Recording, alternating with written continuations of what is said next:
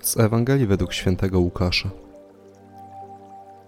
Za czasów Heroda, króla Judei, żył pewien kapłan imieniem Zachariasz z oddziału Abiasza. Miał on żonę z rodu Aarona, a na imię było jej Elżbieta. Oboje byli sprawiedliwi wobec Boga i postępowali nienagannie według wszystkich przykazań i przepisów pańskich. Nie mieli jednak dziecka, ponieważ Elżbieta była niepłodna. Oboje zaś już posunęli się w latach. Kiedy Zachariasz, według wyznaczonej dla swego oddziału kolei, pełnił służbę kapłańską przed Bogiem, jemu, zgodnie ze zwyczajem kapłańskim, przypadł w udziale los, żeby wejść do przybytku pańskiego i złożyć ofiarę kadzenia. A cały lud modlił się na zewnątrz w czasie ofiary kadzenia. Wtedy ukazał mu się anioł pański, stojący po prawej stronie ołtarza kadzenia. Przeraził się na ten widok Zachariasz i strach padł na niego. Lecz anioł rzekł do niego: Nie bój się, Zachariaszu. Twoja prośba została wysłuchana. Żona twoja, Elżbieta, urodzi ci syna i nadasz mu imię Jan. Będzie to dla ciebie radość i wesele, i wielu cieszyć się będzie z jego narodzin. Będzie bowiem wielki w oczach Pana. Wina i sycery pić nie będzie, i już w łonie matki napełniony zostanie Duchem Świętym. Wielu spośród synów Izraela nawróci do Pana, ich Boga. On sam pójdzie przed nim w duchu i z mocą Eliasza, żeby serca ojców nakłonić ku dzieciom, a nieposłusznych do rozwagi sprawiedliwych, by przygotować Panu lud doskonały. Na to rzekł Zachariasz do anioła: Po czym to poznam? Bo sam jestem już stary i moja żona jest w podeszłym wieku. Odpowiedział mu anioł: Ja jestem Gabriel, stojący przed Bogiem, i zostałem posłany, aby mówić z Tobą i oznajmić Ci tę radosną nowinę. A oto będziesz niemy i nie będziesz mógł mówić aż do dnia, w którym się to stanie bo nie uwierzyłeś moim słowom, które się spełnią w swoim czasie. Lud tymczasem czekał na Zachariasza i dziwił się, że tak długo zatrzymuje się w przybytku. Kiedy wyszedł, nie mógł do nich mówić. Zrozumieli więc, że miał widzenie w przybytku. On zaś dawał im znaki i pozostał niemy.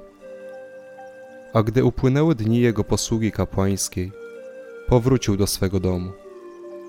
Potem żona jego, Elżbieta, poczęła i kryła się z tym przez pięć miesięcy, mówiąc: Tak uczynił mi Pan wówczas, kiedy wejrzał łaskawie, by zdjąć ze mnie hańbę wśród ludzi.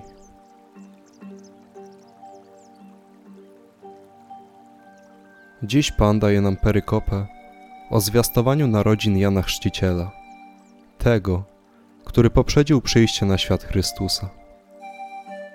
Zachariasz i Elżbieta, ludzie sprawiedliwi, zachowujący wiernie przykazania, nie mieli potomstwa, a byli już w podeszłym wieku. W Izraelu potomstwo, zwłaszcza liczne, było znakiem szczególnego błogosławieństwa Bożego, zaś brak dzieci był traktowany jako wyraz grzechu i Bożej kary. Jednak słyszymy, że byli małżeństwem sprawiedliwym, pobożnym. Co więc się stało? Dlaczego nie mogli mieć potomstwa? Na naszej drodze ciągle pojawiają się różnego rodzaju przeszkody, utrudnienia.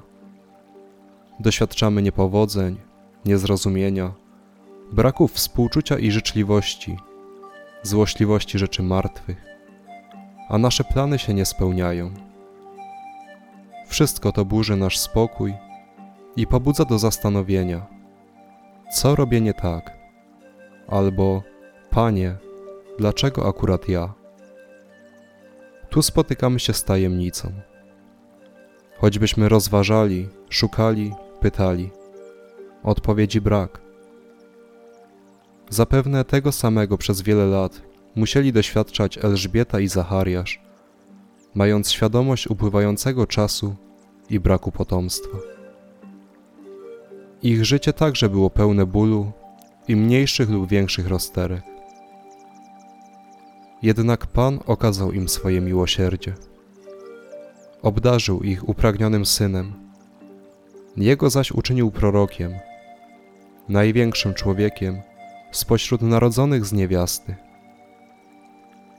Jak wielka musiała być radość rodziców z narodzin Jana Chrzciciela. Zapewne tak samo wielka, jak ich wiara, w której trwali, mimo pozornego braku błogosławieństwa Bożego przez te wszystkie lata. Czy i ja potrafię trwać wiernie przy Bogu, nawet wtedy, gdy doświadczam trudności i nic nie idzie po mojej myśli? Pan ma dla mnie więcej niż potrafię sobie wyobrazić.